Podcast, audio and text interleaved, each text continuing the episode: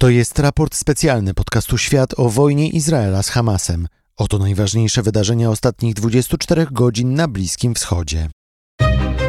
To jest podcast Świat. Zaprasza Wojciech Cegielski, korespondent zagraniczny Polskiego Radia.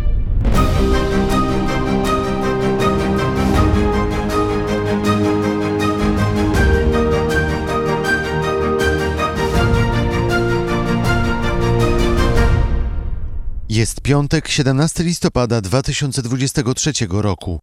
Strefa gazy jest całkowicie odcięta od komunikacji ze światem.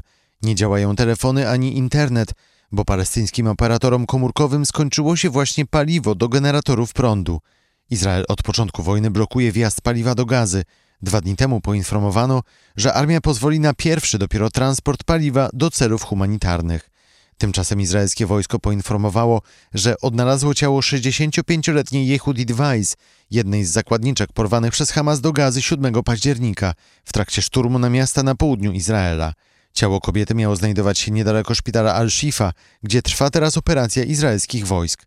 Od ponad dwóch dni żołnierze są w środku największego szpitala w Gazie, bo armia twierdzi, że pod ziemią znajduje się największy bunkier Hamasu – do tej pory poinformowano o znalezieniu w szpitalu składowisk broni, a także o odnalezieniu na terenie szpitalnego ogrodu wejścia do tunelu.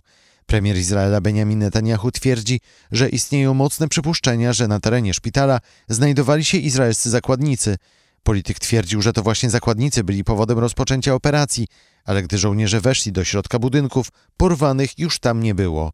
W odciętym od prądu i wody szpitalu jest teraz co najmniej kilkuset pacjentów i tysiące Palestyńczyków, którzy schronili się tam przed wcześniejszymi izraelskimi bombardowaniami.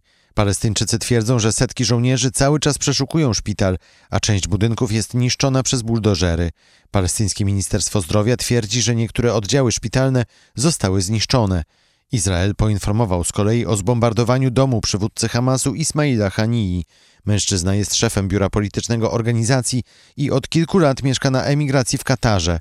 Hania jest milionerem, bo według zachodnich mediów miał zarabiać krocie na cłach na przemycane do gazy towary z Egiptu.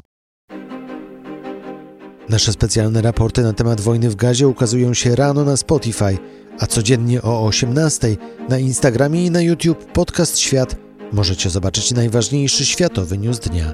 Do usłyszenia.